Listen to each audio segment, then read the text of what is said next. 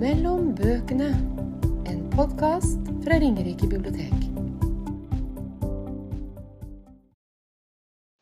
Hei og velkommen til Ringerike bibliotek sin podkast. Jeg heter Randi, og i dag har jeg med meg Gunn Ingrid. Ja, hei, ja. Ja, hei. Nå prater vi om det vi har lest i sommer. Ja, fordi nå kan vi vel si at sommeren er over, så å si. Veldig fint ute ennå, men det er nå høsten. Ja. Nå har kommet til september, så Sommer er lesetid for mange. Ja, da har vi jo ferie og leser jo hele året, men Ja. sommeren har vi jo ferie, så da har vi litt ekstra tid. Tenker du at du leser andre ting om sommeren enn resten av året, eller er det, Jeg går det tror ikke det. Jeg tror jeg leser det samme Ja. hele året. Både krim og romaner ellers. Og Mm. Og vi følger jo med på det nye som kommer, og så plukker vi det er det som er så spennende. ja, Og ofte så kommer det altfor mye i en gang. Lett for å klumpe seg. Ja, og da leser du altfor raskt, for du vil gjerne ha alle bøkene med en gang. Og så Ja. er det flere som venter, og så prøver du å være litt rask, da. Men i jobben vår så er det jo bra å komme gjennom en del, da. Ja, veldig bra. Men jeg syns jo det at vi må vite litt sjøl hva som står i bøkene, og åssen vi syns dem når vi skal Ja, anbefale. Hvem du skal anbefale til. Ja. ja hvordan. Ja. er ja, noe spesielt du leste i sommer som du vil nevne? Eh, Ja, jeg leste 'Antall skjerp', jeg. 'Reise i måneskinn'. Ja. Og det er en ungarsk forfatter. Mm. Og det var en klassiker som faktisk kom ut i 37, men Mhm. som ikke ble oversatt av norsk før i 21. Og det starter jo som en fysisk reise, da. Mm. Men e egentlig så er det jo en indre reise til hovedpersonen. Mm. Og starter med fem ungdommer som bindes sammen i huset Ulpius. Og fortsetter med den indre reisen til hovedpersonen. Og, og det med å være offer for omgivelsene. Og ikke klare å bryte sin egen skjebne. Det var veldig fin med de to tinga der, syns jeg. Liksom to forskjellige ting i en roman. Mhm. Når du sa det at du hadde lest noe som var gitt ut, eller som var eh, publisert for lenge siden, så kom jeg på 'Tvillingenes dagbok' av Agota Kristoff. Ja, Den har du òg lest? de har jeg òg lest. Ja. Den var, jo, ja, den var jo egentlig gitt ut eh, første gang på norsk i 1987. Å, Så Ja. den kommer på nytt nå. Og det handler jo om eh, et land i krig. Det er kanskje andre verdenskrig, men egentlig er det vel ikke tids- eller stedfesta, tror jeg, handlingen. Så det kan jo være en krig, eh, hvilken som helst krig. Og da er det to gutter, tvillinger, som blir plassert hos mormora si ute på landet. Det er mora som kommer med deg, for i byen så er det masse bomber, og det er dårlig med mat. Så de skal få bo hos mormor, da. Eh, hun vil helst ikke, men hun føler vel at hun må, kanskje. Og eh, på bygda der så kalles bestemor for heksa. ja. Og hun lever jo litt opp til det kallenavnet. Eh, så er guttene kalla for drittunger, og de får veldig dårlig stell. De må liksom passe seg sjøl. Ikke noe klesvask eller noe hjelp med noe kroppsvask eller noen ting. Men det, er jo, det viser seg jo å være ressurssterke og smarte, disse her to. Så de klarer seg egentlig godt etter forholda. Det er en ganske tynn bok. Jeg blei så oppslukt av den, så jeg leste den i løpet av noen timer bare. ja. Men så er det en fortsettelse i to bøker til. 'Beviset' og 'Den tredje løgnen'. Mm. Så det der tre er jo øh, anbefalesverdig. Absolutt. For jeg har òg lest dem for litt tid Ja, tilbake. det kom jo i 2018, den første av disse. Men jeg leste det først i sommer, da. så Ja, det, ja, det det er det året her jeg leste om òg. Og Ja. Jeg vil anbefale å lese alle tre, for det blir liksom litt oppklaring i den tredje boka. da. Ja, Det er jo eller, eh, triste skjebner, men Oppklaring. Jeg følte det var litt sånn øh, Du blir på en måte litt lurt, eller Ja. eh, Er det to, eller er det én, eller Ja. Ja, den var ganske fiffig. ja. Jeg likte nok den første boka best. Ja. ja. Hadde du flere du ville nevne? Ja, jeg hadde Elisabeth Aasbrink, 'Forlattheten'. Den Ja. gjorde litt inntrykk. Mm. Da, det var forfatterens egen eh, familiehistorie, Mm. som handler om tre kvinner i tre generasjoner. Ja. Og hovedpersonen, forfatteren sjøl, når hun vokste opp, så visste jeg skjønte at det var en del hemmeligheter og løgner og tabuer i familien som ikke ble pratet om. Mhm. Og det viste seg at eh, de skjulte skammen ved å være jøde. Og måtte skjule den jødiske opphavet sitt. Så den, den ga inntrykk. Ja. Fin bok.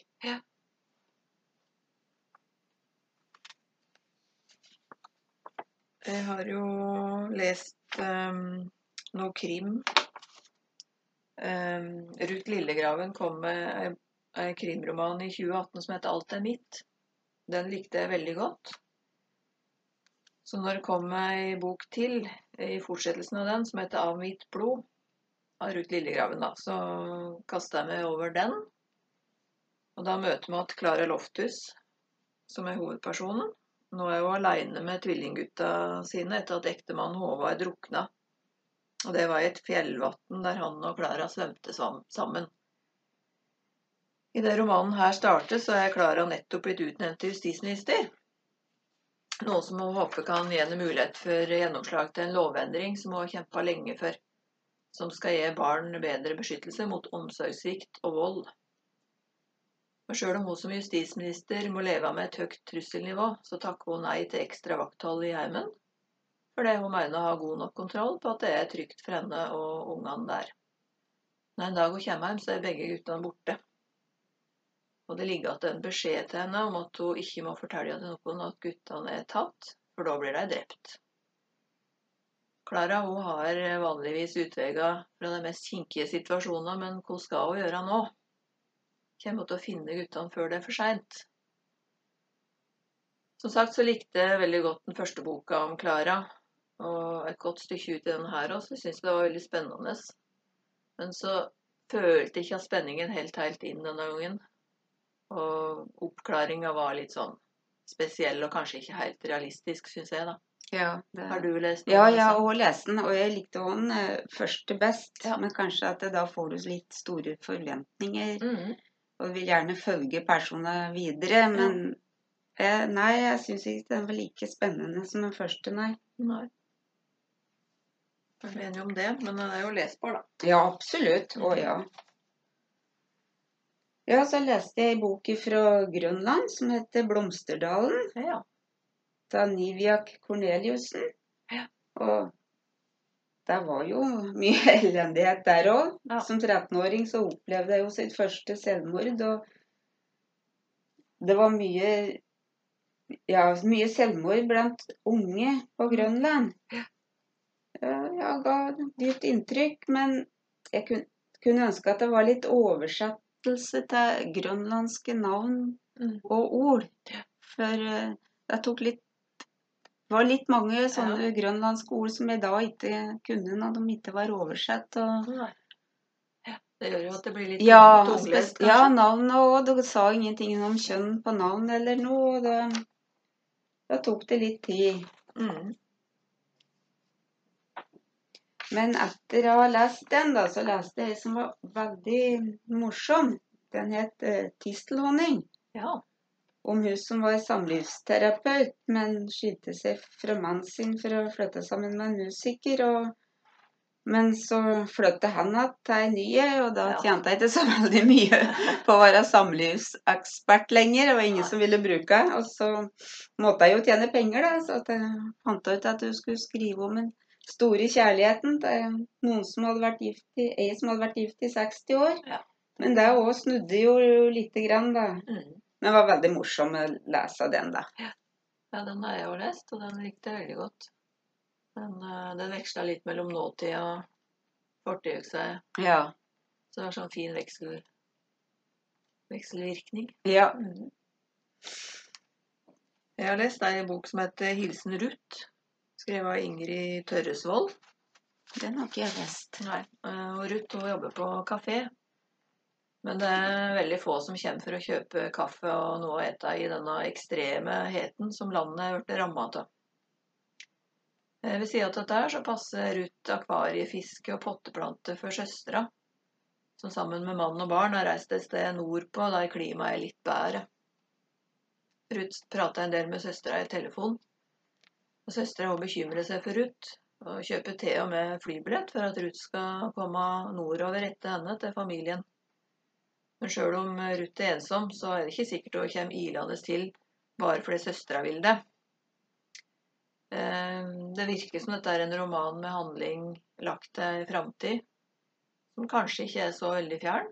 For det er et helt annet klima i landet da, som gjør at det er vanskelig å holde ut. eh, Slitsomt. Eh, På en måte så er det et scenario som er litt sånn skremmende nært, på en måte. da. Eh, I denne krevende samfunnssituasjonen så er det altså Ruth prøve å klare seg da, og virke litt tafatt. Og har vanskelig for å passe inn. Og I lengselen etter å få venner og kjenne tilhørighet, så sier jo Handlo uberegnelig merkelig og hensynsløst med tanke på hva som er best for seg sjøl. Så mye av spenningen, syns jeg, det ligger i det at Ruth er så uforutsigbar. Og er så villig til å satse høyt for å oppnå det hun ønsker seg. Altså det samme, ja, tilhørighet og ha venner og sånn. Dette er eh, forfatterens debut. Det syns jeg var veldig Ja, god. det høres veldig bra ut. Ja. Så den fikk jeg jo lyst på å lese nå. Ja. Eh, Har du noe Du har ikke lest noen debutanter, kanskje? Nei, altså Hvem som var debutant det... Men jeg leste den Ashley og 'Mitt Ja. kalde hjerte'. Ja. Og Jeg lurer på om kanskje var hennes første roman. Var det hennes første roman, ja? ja. Og det var jo hovedpersonen som var- ble jo forsømt både psykisk og litt mishandling opp gjennom oppveksten, både av mor og bestemor. Så når hun ble mor sjøl, så skulle hun bestemme seg for å bli ei veldig god mor, helt annerledes. Og fikk sitt første barn, så ble det jo ikke alt som hun hadde planlagt. Eh, Det var et vanskelig barn, hennes første, og hun prøvde så godt hun kunne, men hadde mistanke om at det kanskje kunne være noe feil. Noe som ikke var- helt riktig. Mannen hennes var jo ikke enig. Han så jo ikke noe feil med det. Nei, for han og ungen hadde veldig god De hadde veldig god kontakt. Det var liksom mora som ikke helt Mhm. fikk det til. Så og fikk et barn til som hun da følte mye bedre for, og dårlig samvittighet selvfølgelig, for han skal jo ikke gjøre forskjell på barn. og Hun burde jo være like glad i den første. Prøvde med alle mulige måter, men et eller annet som klarte ikke å få bra forhold til den eldste. Og ja, det var kanskje litt som ikke var helt riktig med det eldste barnet òg. Det viser seg jo litt sånn på slutten. Mhm. Og jeg fikk veldig assosiasjoner til Doris Lessing, det femte barnet, jeg, da. Men du fikk veldig forståelse for eh, mora, syns jeg, og vanskelig det var. Og jeg prøvde. Jeg har lest den og syns den var eh, veldig fascinerende. Mhm. Eh, Her på biblioteket så står den jo bare på sammen med de vanlige romanene, men den er jo nesten som en sånn thriller. Ja. Det er noe sånn uhygge som ligger og vaker. Ja. Ja. Mhm. Veldig spennende. Eh, En annen krimroman som jeg har lest, er 'Gode naboer' av Mathias Edvardsson. Den handle, har handling lagt til Bråkmakergata. Da er det veldig godt å bo. Det er iallfall det Mikael og Bianca får høre når de flytter dit med de to ungene sine. For her holder naboene sammen. Og ekteparet som har bodd lengst i nabolaget, de arrangerer årlige fester der alle treffes. Men når vi går inn i historien, så har det akkurat skjedd ei fryktelig ulykke. Eh, Jacqueline har med bil kjørt ned Bianca ved gårdsplassen deres. Bianca som bare var en snartur til butikken med sykkel. Hun blir veldig alvorlig skadd, svever mellom liv og død. Men var det bare ei ulykke? Sakte så blir historia bretta ut bit for bit. Det er flere som forteller. og Det hopper stadig tilbake til tida før ulykka. Alt har nok ikke vært bare idyll i Bråkbakkegata. Dette her var en skikkelig sidevenner. Og kapitlene er ganske korte. Så det er lett å tenke 'les etter', 'les etter'. Plutselig så har du vært gjennom hele boka.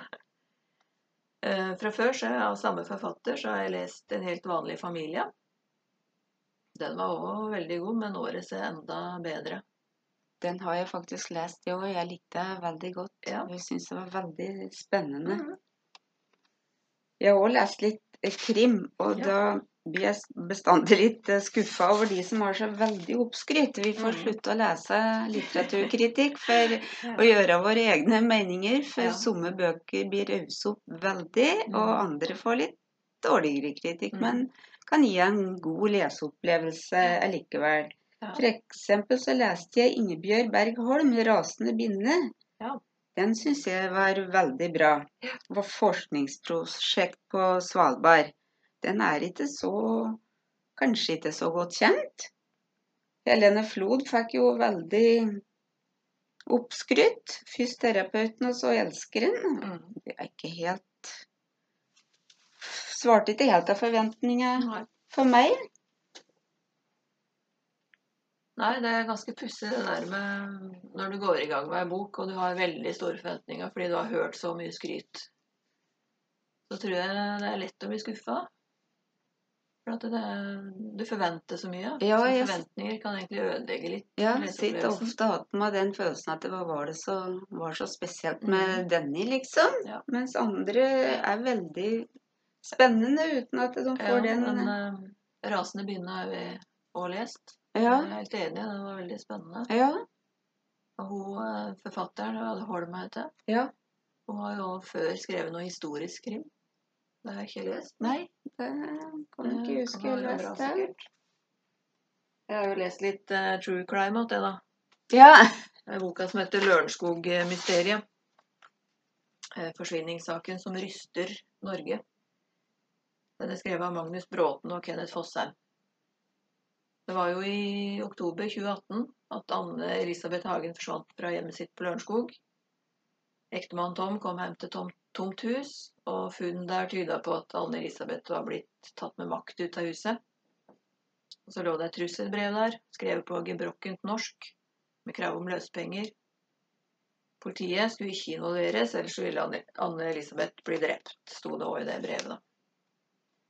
Han, eh, Tom Hagen valgte jo likevel å involvere politiet, men de etterforska lenge i det skjulte for at kidnappere ikke skulle oppdage at de var inne i bildet. Så det var først ti uker etter kidnappingen at politiet gikk ut for å be offentligheten om hjelp til å løse saken. Eh, Det hører jo med til historien at Tom Hagen er mangemillionær, som gjennom en ektepakt med kona sørga for at hun ikke kom til å sitte igjen med stort om de skulle bli skilt. Halvannet år etter forsvinningen, i april 2020, så ble Tom Hagen arrestert. Politiet sikta han for drap eller medvirkning til drap, men retten mente da at det ikke lå tilstrekkelig bevis til grunn, og han ble løslatt. Saken er fremdeles ikke løst. Um, Dette er en sak som har versert veldig mye i mediene. Uh, Jeg har vel egentlig bare lest overskriftene, stort sett, jeg. Så jeg syns det var veldig interessant med denne her samla gjennomgangen av alt som har skjedd. Jeg føler at den er ganske nøytral og grundig og lettlest. Så hvis noen er nysgjerrig på den saken, så kan jeg anbefale den boka. ja. Det er utrolig spennende sak, egentlig. Nå er det Ja. tre år siden Alle det skjedde. uløste ting. Ja, uløste gåter, ja. Ja.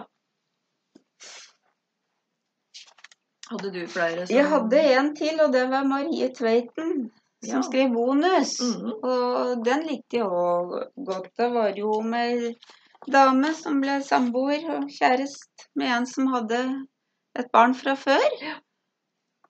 Og det, det går jo bra, og hun setter seg jo inn i rollen og er klar over forholdet fra før, men og så får du litt de konfliktene der faren må ta hensyn til barn i stedet for den nye kjæresten. Litt Ungen sånn. må jo gå foran. Ungen må jo gå foran, og så blir du litt tilsidesatt. Så det blir litt surt lell, da, selv om du skjønner Ja. Ja. det er liksom hennes følelser. Du, du forstår dem òg, liksom. Sjøl om du forstår veldig godt at ungen må gå foran. Ja. Ellers har jeg bare jeg bladd litt sånn igjennom sånne bøker eh, i sommer pga. ferier i Norge og korona og slik, så har vi fått inn så veldig mye sånne fine reiseskildringsbøker i Norge. 'Bortenfor allfarvei', 'Norges beste utsikter' og 'Norges beste bilturer'. Jammen er det mange fine plasser i Norge Ja. som du kunne reise til. Og, Ja, Å se, altså. mange Ja. av den typen bøker eh, de to siste åra, egentlig. ja, Mm. det har det. Jo Nesbø leser ikke du, eller? Nei. Nei. Jeg har lest to av Jo Nesbø. Jeg vet åssen han skriver, jeg vet åssen de er. Og for meg så er de forferdelig blodige og voldelige. Ja, for han har jo kommet med to, her er to novellesamlinger i år. Ja. Eh, Den første heter 'Sjalusimannen', og så kommer 'Rotteøya'. Jeg syns jo personlig da at eh, Nesbø gjør seg best i et større format, for da får han virkelig utfolda seg på et stort lerret, liksom. Men jeg syns jo at noen av disse novellene her er jo veldig fiffige. Og det slår meg at altså, hvilken skrue han Nesbø er. Han eh, var en vanvittig fantasi. Så jeg blir veldig imponert av noe han greier å pønske ut. Så um, jeg ser jo at det er, noveller er kanskje ikke alltid så populært, da, men det er jo kjekt med å kunne lese en fortelling på en kveld, kanskje. Og så kan du begynne på noe nytt dagen etter. Bare snakke fram novellene, liksom. Ja, ja. det For det, jeg er jo veldig glad i romaner, men eh, ja, noveller kan òg være litt fint. ja. Jeg leste, jeg leste en, en gang at eh, når Jo Nesbø gikk på skolen og skulle skrive om en blåbærtur i skogen, så var det ingen som kom igjen levende fra skogturen. Det var kanskje ikke det læreren hadde ment når han skulle skildre en blåbærtur, men Nei, fantasien hadde nok allerede da. det er helt klart, altså. Ja. ja, jeg gleder meg jo til noen bøker som kommer til Ja, det kan vi prate om nå, hva som kommer i høst, og hva vi ser fram til. Ja, Eller noe av det har kanskje kommet òg, men vi har ikke fått det har å og lest den da. Nei, jeg gleder meg veldig til Lars Saabye Christensen. Er da Byens spor nummer fire. Handler om Jesper og Trude. Jeg må jo innrømme at jeg egentlig allerede er ferdig med den, jeg, da. Ja, jeg er nesten ferdig. Ja. Så sånn var det. Jeg likte den. Den var jo Ja. ikke av de bøkene som fikk den beste kritikken, men jeg, jeg leste, likte den, og jeg likte måten den at den skrev inn både forfatteren og leseren i boka si på. Jeg likte den Mm. Han, eh, stilen med han skriver med om et vi, Ja, som jeg føler da liksom det er han som skriver, og så er det vi som leser. ja. Som står på en måte rundt og ser på alt. ja, for meg var det noe nytt, Ja, det så jeg, jeg likte Det Det var en sånn bånd som kom mellom eh, Ja, oss som leser og han som Ja. skriver. Mhm. Ja, nei, jeg har kost meg med den. Antony Dorr skal komme, det beste av alle verdener. Han som tidligere skrev 'Alt lyset vi ikke ser'. Mm. Og den huset jeg var fantastisk, syns jeg. Så den gleder jeg meg veldig Var det den som var sånn supertjukk? Ja, Tror du den er like tjukk, den sikkert. Ja. Da har vi mye å glede oss til. ja. Falkone kommer med 'Sjelemakeren', han som tidligere utga 'Havets katedral'. Ja. Og de er jo òg veldig mursteiner, tror jeg. Mhm. Men Det er jo det. Når det er gode bøker, så kan det godt være tjukke. Ja. Og Mar Maria Skaranger, 'Emily Forever', som hun som utga 'Utlendinger av lukka gardiner'. Ja. Den gleder jeg meg til. Mhm. Men det kommer jo mye. Jan Kjærstad kommer med, 'I tid for å leve'. Ja. Abidjaya selvbiografi, sikkert interessant for mange som har lyst på å lese den. Mhm. Knausgård, 'Ulvene fra evighetens skog'. Aha. Linn Ullmann skulle komme med en ny bok, Nei. så hadde ikke tittel ennå, men Nei. Jan Grue Ja, som skriver skriver om sårbarheten og føde med funksjonshemming. Ja. Karin Fossum, 'Drepende drage, angrende ja, hund'. Hun skriver jo godt. Den har allerede kommet. Nå har hun nå introdusert en ny etterforsker, skjønte jeg. Ja. Mhm. Mm. Ferdig med Konrad Seier. ja. Ja. Så vi har veldig mye å glede oss til utover høsten. Ja. Det eneste problemet er at det kommer så tett på hverandre. Ja, eh, har lyst til å nevne noen, jeg òg. Ja. Eh, venter på Eller har egentlig fått da, 'Gamle menn i Syningom' av Arnfinn Kollerud.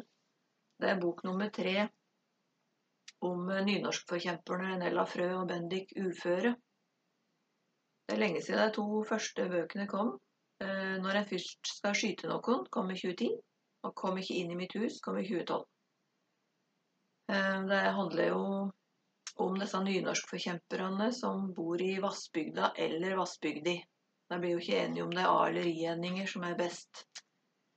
Sannsynligvis er det en framtidsfabel, for dette er den eneste bygda i Norge der nynorsken fortsatt er i bruk. Ja. Men i denne tredje boka så har jeg lest at kongen begynner å bruke nynorsk. Kanskje som en slags protest mot et, eh, et eh, angrep fra dansk hold som han har vært utsatt for. Kanskje nå nynorskforkjemperne virkelig får drahjelp som monner. Det er Ja. jeg veldig spent på å lese. Ja. Dette er veldig humoristiske bøker, altså. Og så har jo Anne B. Ragde kommet med en frittstående roman som heter 'Hjerteknuseren'. Eh, Den handler om et sånn mor-sønn-forhold. Mm -hmm. der kanskje hun ønsker at han skal flytte hjemmefra snart, for han bor fortsatt hjemme. Men han er arbeidsledig, så det er ikke så lett å få til dette. Nei. Jeg vil jo gjerne stille opp for ungene sine osv. Ja. Dette tror jeg kan være et tema som mange kan Ja. forhåpentligvis ikke kjenne seg alltid så veldig, da, men eh, kan være interessert Forståelse for, for, ja. Der står jeg på venteliste. Ja. Så jeg venter på den. Og så kommer Tore Renberg med en fjerde roman om Hillevågsgjengen. Den heter Assala- Assalamu alaikum. Og i omtala så står det at vi er kommet til året 2013. Og Hillevågsgjengen innser at de har nådd bunnen i oljebyen Stavanger, for det er der de holder hus, da. Så der har jeg lest de tre første, og de er jo humoristiske Ja, finurlige, morsomme, altså. ja. Tore Renberg er jo av de Ja, som vi skriver jo veldig godt. vil lese. Og Selma Lønning Aare kommer med bok som heter 'Privatlivets fred'. Eh, Om, omtalen der er da forfatteren våkner i sengen på sykehuset, sitter ektemannen og moren der. Minnene er uklare, men det har noe å gjøre med en roman fra virkeligheten. Dette er en historie om å være forfatter, men også om å bli utsatt for en forfatter. Så det regner med at dette er en sånn diskusjon om virkelighetslitteraturen, da. Og det syns jeg kan være Ja, være det er veldig interessant, ja. Og så kommer Laila Brenden med bok nummer to eh, i en serie. Den første boka het 'Toner fra en stille skog'. Husker ikke om det er et par år siden den kom. Den er sånn eh, For deg som liker bygderomaner Mm. og eller historiske romaner, ispedd litt kjærlighet og drama. Jeg leste Den den, første og likte den Ja. egentlig Mm. godt. Og så er det en eh, relativt ung eh, forfatter som heter Victoria Durnak. Der har jeg lest i hvert fall tre bøker jeg syns var litt spennende. Um, årets bok heter Evelyns innboks. Og omtalen er på 50-årsdagen sin oppdager Evelyn at innboksen hennes er lagt ut på nettet som et søkbart arkiv. Dette fører til en rekke hendelser. Mannen vil skilles, datteren vil ikke prate med henne. Hun får sparken og ender opp med å flytte til en hytte på fjellet for å få være i fred. Men en dag dukker Astrid opp. Den uh, hørtes også litt sånn Ja, den hørtes veldig spennende ut og veldig realistisk, egentlig. Ja, så det har vel skjedd at noen blitt eh, Hacka, ja. hacka. Mm. Ja, nei, jeg tror det kan bli Ja. interessant. Det, det er veldig mye å glede seg til. Det er det. Litt som du sier, da, så forhåpentligvis så kommer ikke alle på en gang. Det tror jeg også en del lånere opplever at eh, jeg står på venteliste på mange ting, og så kommer alt på en gang. Ja, du vil jo gjerne sette deg på venteliste så Ja. fort du skjønner boka kommer, for, for ikke å komme helt i Ja. bånn eller som nummer 20. Ja. Og så kan du få dem veldig ofte. Men det er i hvert fall eh, bra at det er mye en har lyst til å lese. Ja, veldig. Så da håper jeg at uh, de som hører på, har fått seg noen tips. Ja, Takk skal du ha, Gunn Ingrid. Du har nå lyttet til Mellom bøkene, en podkast fra Ringerike bibliotek.